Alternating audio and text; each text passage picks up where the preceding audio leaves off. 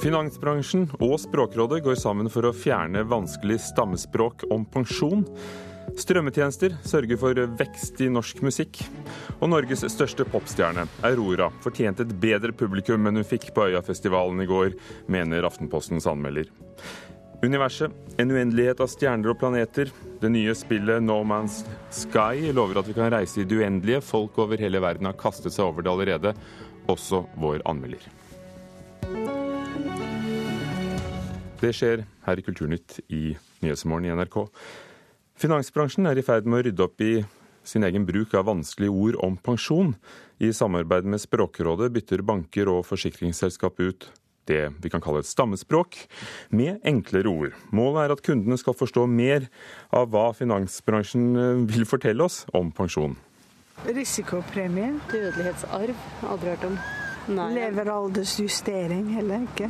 Hybridpensjon Nei, jeg vet ikke hva, jeg vet ikke hva nesten noen av de er. Charlotte og Alison Wiig ser på det finansnæringa sjøl beskriver som stammespråk om pensjon. Og det er heller ikke så mange andre tilfeldig valgte på gata som forstår disse begrepene. Det sier meg liksom ingenting. Nei. Forsettelsesforsikring. Jeg tror ikke det heter. Nei, jeg vet ikke hva. Det er ikke bare ord som innskuddsfritak, premie, forsettelsesforsikring eller ytelsespensjon som skal forklares bedre. Utdaterte formuleringer som for eksempel vedrørende, samt, benevnt og hensynta skaper unødvendig avstand. Det mener både Språkrådet og Finans Norge, her med sin toppsjef Idar Kreutzer. Da vi vokste opp så trodde vi at premie var noe man fikk på skirenn. Eh, men da vi begynte å arbeide i forsikring, så lærte vi at premie det var prisen på det produktet du kjøpte. Og når det er snakk om en pris, så kaller vi det pris istedenfor premie. En forsikringspolise, det er jo en avtale, eller en pensjonsavtale. Og da kaller vi det avtale, eller pensjonsavtale, istedenfor å kalle det forsikringspolisen. Vi ser at dette er veldig viktig for eh, folk flest. Dette er informasjon som de aller fleste trenger å ta stilling til, og da er det viktig at språket er lett og tilgjengelig. Det sier direktør i Språkrådet Åse Vetås. For når våre egne sparevalg i større grad påvirker hva vi faktisk får i pensjon, så blir det enda viktigere å skjønne hva det handler om.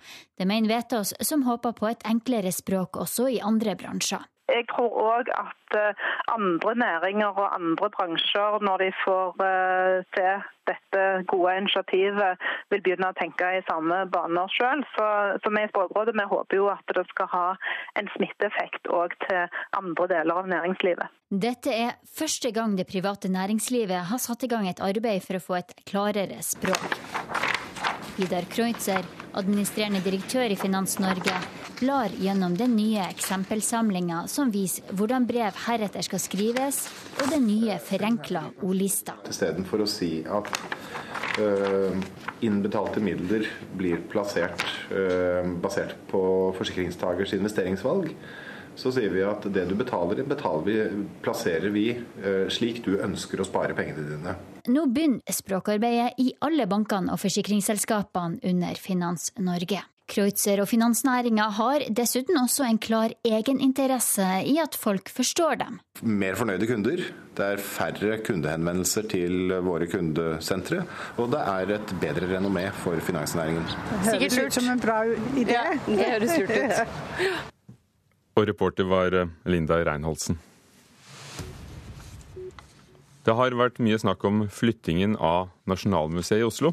Og nå advarer ansatte at uh, det kan føre til at Stein Erik Hagens kunstsamling kan havne i utlandet. I Aftenposten i dag ber de regjeringen la museet beholde det gamle Nasjonalgalleriet for å kunne vise frem Hagens kunst. Reporter Thomas Alvarstein Ove, hva er det de vil? Jo, altså Bakgrunnen her er at forretningsmannen Stein Erik Hagen i utgangspunktet vil la Nasjonalmuseet disponere hans eh, store private kunstsamling. Men i sommer så meldte Kulturnytt at han hadde fått kalde føtter da det viste seg at det ville bli svært liten plass til overs i det nye museumsbygget på eh, Vestbanen. Da ble det heller aktuelt å, å kanskje la et museum i utlandet få vise samlingen. Så langt har de ansatte ved Nasjonalmuseet forholdt seg tause om både samarbeidet med Hagen og om hva som bør skje med Nasjonalgalleriet når de flytter ut. Men i dag skriver altså flere av kuratorene og kunsthistorikerne et felles eh, innlegg i Aftenposten der de ber om å få lov til å beholde Nasjonalgalleriet. Men hva sier Stein Erik Hagen til støtten?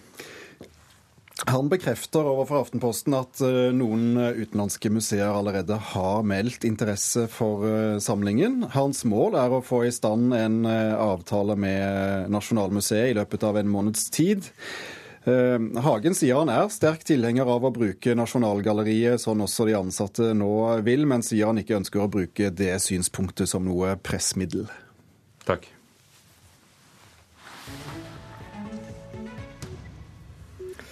Norsk musikk vokser. Nye tall fra de norske plateselskapene og deres egen organisasjon, IFPI, viser at folk bruker strømmetjenester mer enn noensinne, og det nyter også musikerne godt av. I går kveld fylte hun Øyafestivalens største amfi med publikum.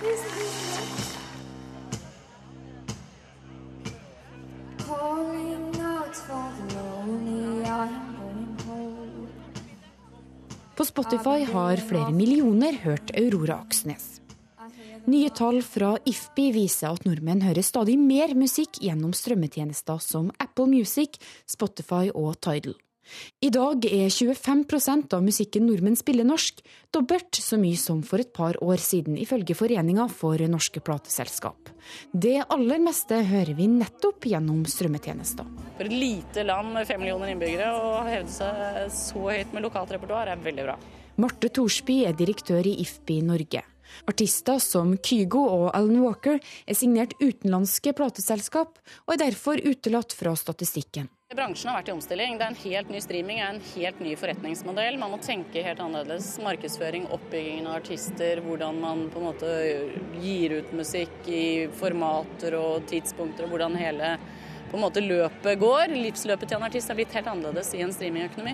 Så jeg tror norsk musikkbransje har eh, hatt en omstillingsperiode, og de begynner jo nå virkelig å komme godt inn i den nye streamingverden, og vi ser jo at tallene øker jo fortsatt, så vi tror ikke taket er nådd. Jeg tror bare vi kommer til å se enda bedre tall eh, de neste årene. Ja, det er, det er, for det meste Spotify og litt YouTube hvis vi skal ha livemateriale. Blant publikum på Øyafestivalen i Oslo er enkelte strømmetjenester mer populære enn andre. Spotify er jo lettere å velge hvilke sjanger man vil høre på.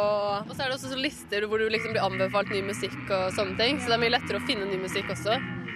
Når norsk musikk strømmes bra i Norge og i resten av Norden, så dukker jo de norske artistene eller de som blir strømta, opp på playlister, eh, både her, men også internasjonalt. Sier Music Norways direktør Katrine Synnes Finnskog.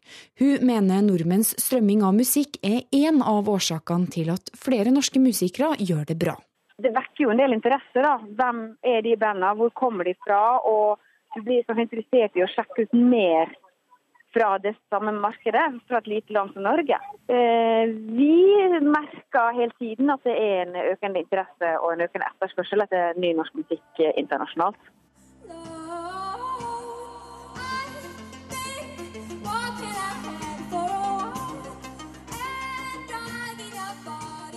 Og reporter var Marit Gjelland, og en av dem som sørger for gode tall for norsk musikk, er nettopp Aurora Aksnes, som vi hørte i bakgrunnen her fra konserten på Øya i går.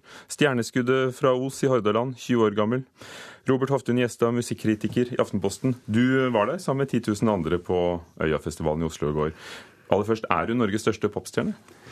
Nei, det er jeg jo ikke. Eh, men eh, det kan hende at det blir det i løpet av eh, noen år. Jeg tror nok folk som Kygo og Alan Walker og kanskje a-ha vil kunne ta opp en diskusjon om akkurat den, eh, den tittelen. Hvordan var det i går? Du, Det var veldig fint. Eh, det er alltid fint når Aurora eh, spiller. Hun har en fantastisk stemme. Jeg syns hun har stort sett gode låter. Et bra band.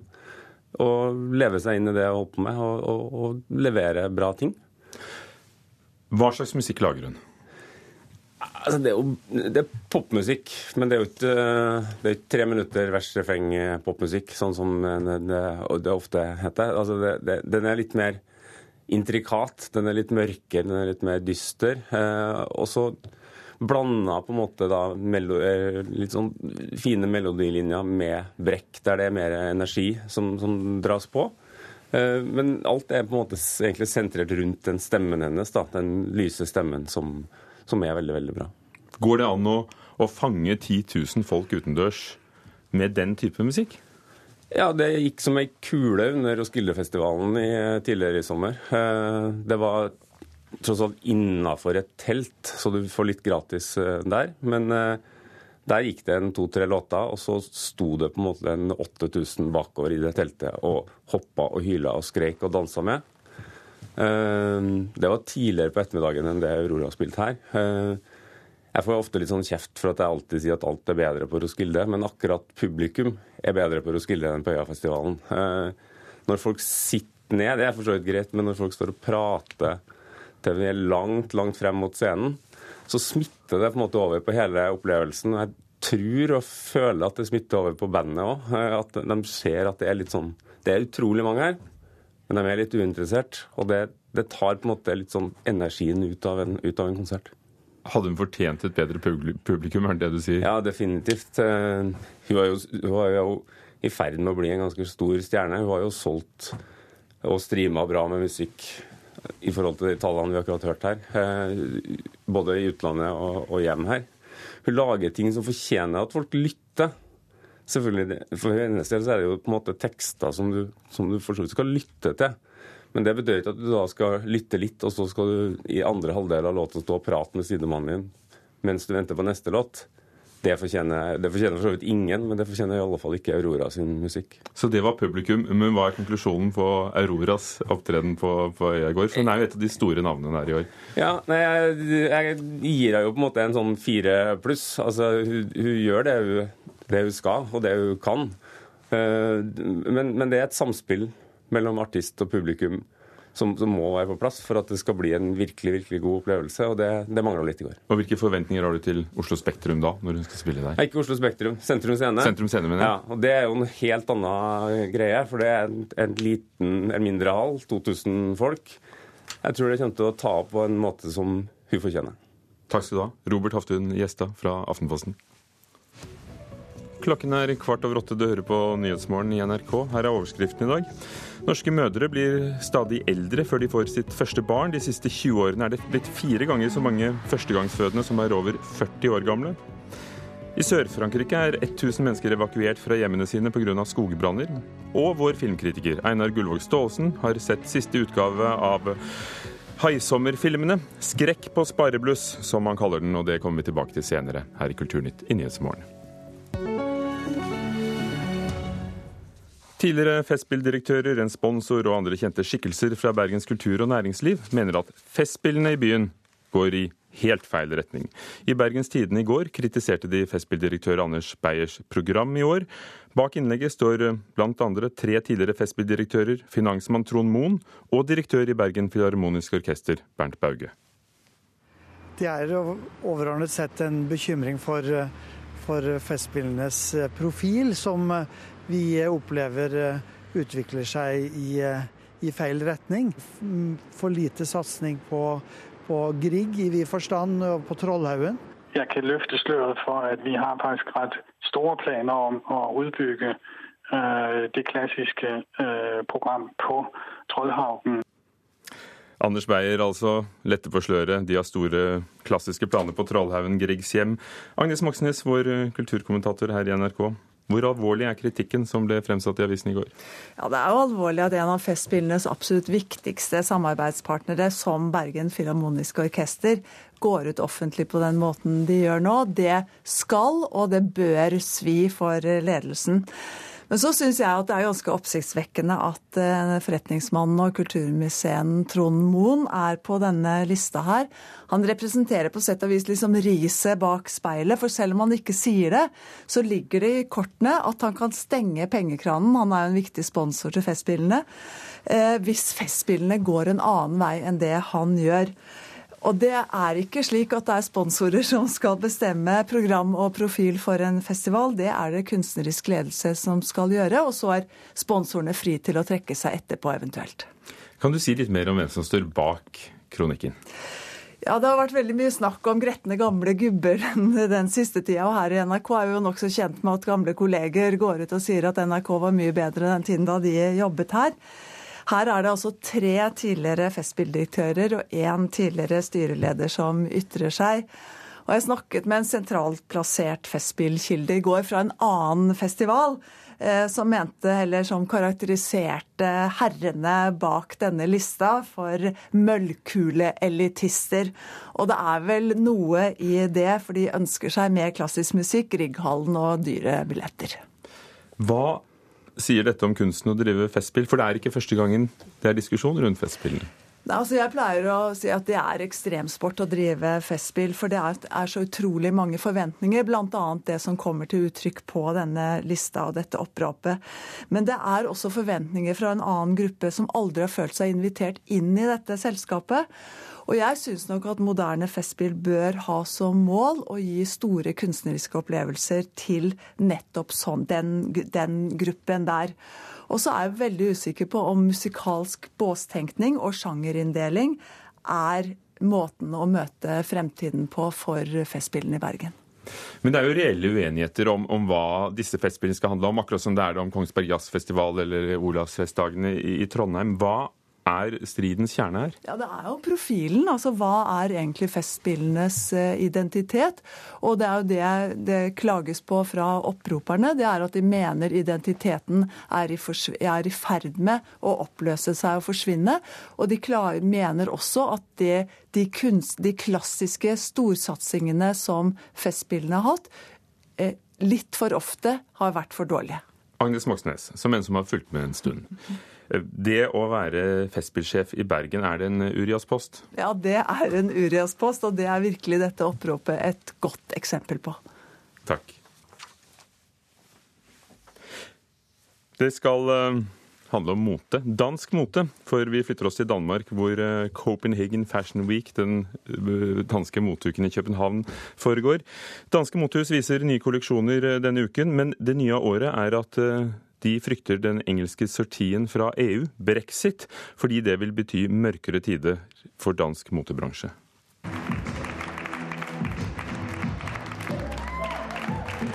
Motevisningene på catwalken i København er godt i gang. Men bak applausen skjuler det seg en engstelse som sprer seg i den danske moteindustrien. Den skal håndvaskes. Den er svær å selge i Danmark. Men igjen, en vare som englenderne elsker. Mogens Jepsen driver en dansk motebutikk for barneklær. Og han er en av dem som frykter at en brexit vil få alvorlige konsekvenser for den danske moteindustrien. Hva skjer det med toll? Øh, kommer det restriksjoner, priser osv.? Så, videre? så Så det er helt klart, det skaper noe usikkerhet. Britene er nemlig en viktig kunde for den danske moteindustrien. Bare i fjor eksporterte danskene klær til britene for 1,7 milliarder danske kroner. Det første som har skjedd øh, etter de meldte seg ut, er at pundet er fallet, og det kommer til å ramme de danske motvirksomhetene som eksporterer til det britiske markedet. Det sier Mikael Hillmose, som er sjef i bransjeorganisasjonen Dansk Mote og Tekstil. Han frykter at særlig mindre bedrifter vil merke en mulig brexit. Det blir ikke uoverskuelig svært å eksportere til Storbritannia, men det kan komme til å bli øh, så dyrt at det ikke kan betale seg for noen virksomheter. Danskene var tidlig ute med å bygge opp en internasjonal konkurransedyktig moteindustri, og mote er i dag landets fjerde største eksportartikkel. Det sier Jorunn Aartun, som er motejournalist i Dagens Næringsliv. Aartun mener den norske moteindustrien ikke har like mye å frykte dersom Storbritannia forlater EU. Danmark er et EU-land som har langt sterkere fotfeste på det britiske markedet enn norske merkevarer har. Eh, men når det er sagt, så kan man ikke utelukke at også enkelte norske aktører kan bli rammet av eh, usikkerheten en brexit innebærer. Og tilbake i klesbutikken til Mogens Jepsen ventes det spent på hva framtiden vil bringe. Og derfor er det jo en træls situasjon, og at vi nå må se at England er sendt på en usikker reise. Og reporter var Brage Berglund. Intervjuene fra motuken i København ble gjort av Danmarks Radio. En av ukens premierefilmer på kino er en skrekkfilm fra surfeparadiset Mexico. The Shallows heter den. Filmen er verken fantastisk eller kritikerfavoritt, men vår anmelder er likevel imponert over at det går an å lage så mye drama med så få virkemidler. Her er Einar Gullvåg Staalesen.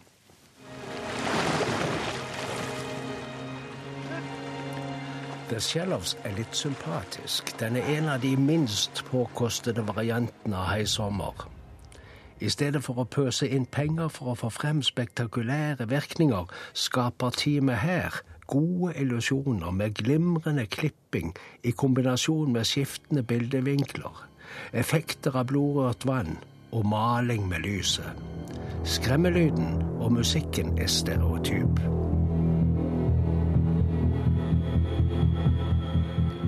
I 90% av spilletiden er det bare én skuespiller i bildet. Hun har bare ett klesskifte.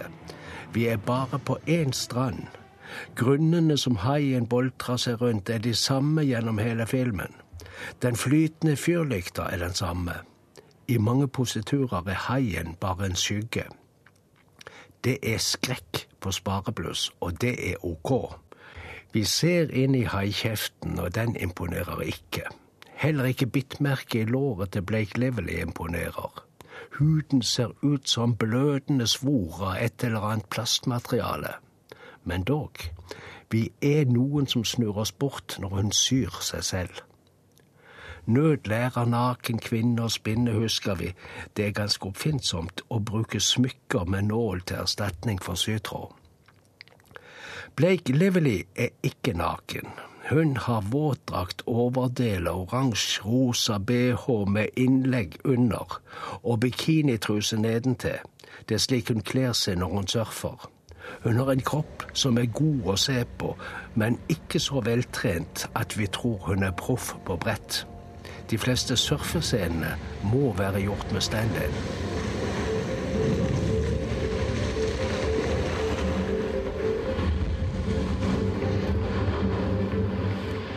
Historien er noe funnet på. Hun haiker med en sympatisk meksikaner til en paradisisk strand som få andre har kjennskap til. Det er bare to unge menn der fra før, og de reiser snart. Så er hun alene. Da får hun selskap av hvithaien. Hun redder seg opp på et skjær.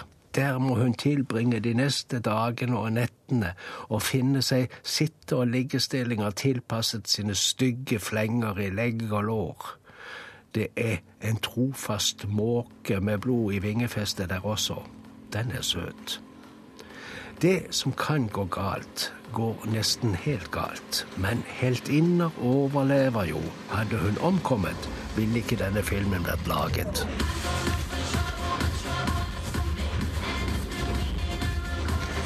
Einar Gullvåg Staalesen om The Shallows. På grunn farvann ville den sikkert hett en gang man drev og oversatte filmtitler til norsk.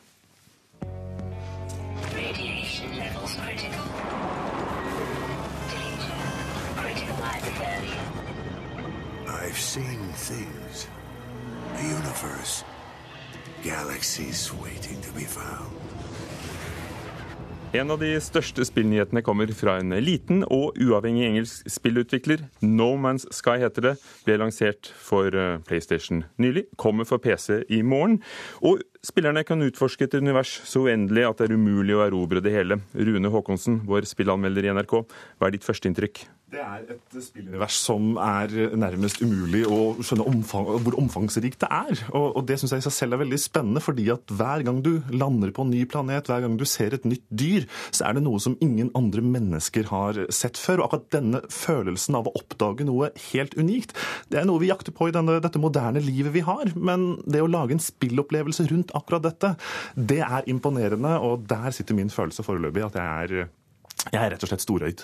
Og allerede har altså 10 000 arter blitt oppdaget av spillerne på, på, på, et døgn? Ja, og Siden du fikk det tallet, så har det økt til 10 millioner. Sånn at spillerne er svært aktive i å oppdage nye planeter og arter rundt omkring i denne spilleverdenen. Og det vil ta 584 milliarder år å oppdage alle planetene hvis det oppdages én i sekundet, ifølge grunnleggeren. Hva, hvordan ser det ut? Hvordan, hvordan spiller du? Du eh, våkner på en fremmed planet. Du må eh, samle inn ressurser og teknologi for å reparere skipet ditt, og så reise ut i en verden, et univers, som egentlig bare venter på deg.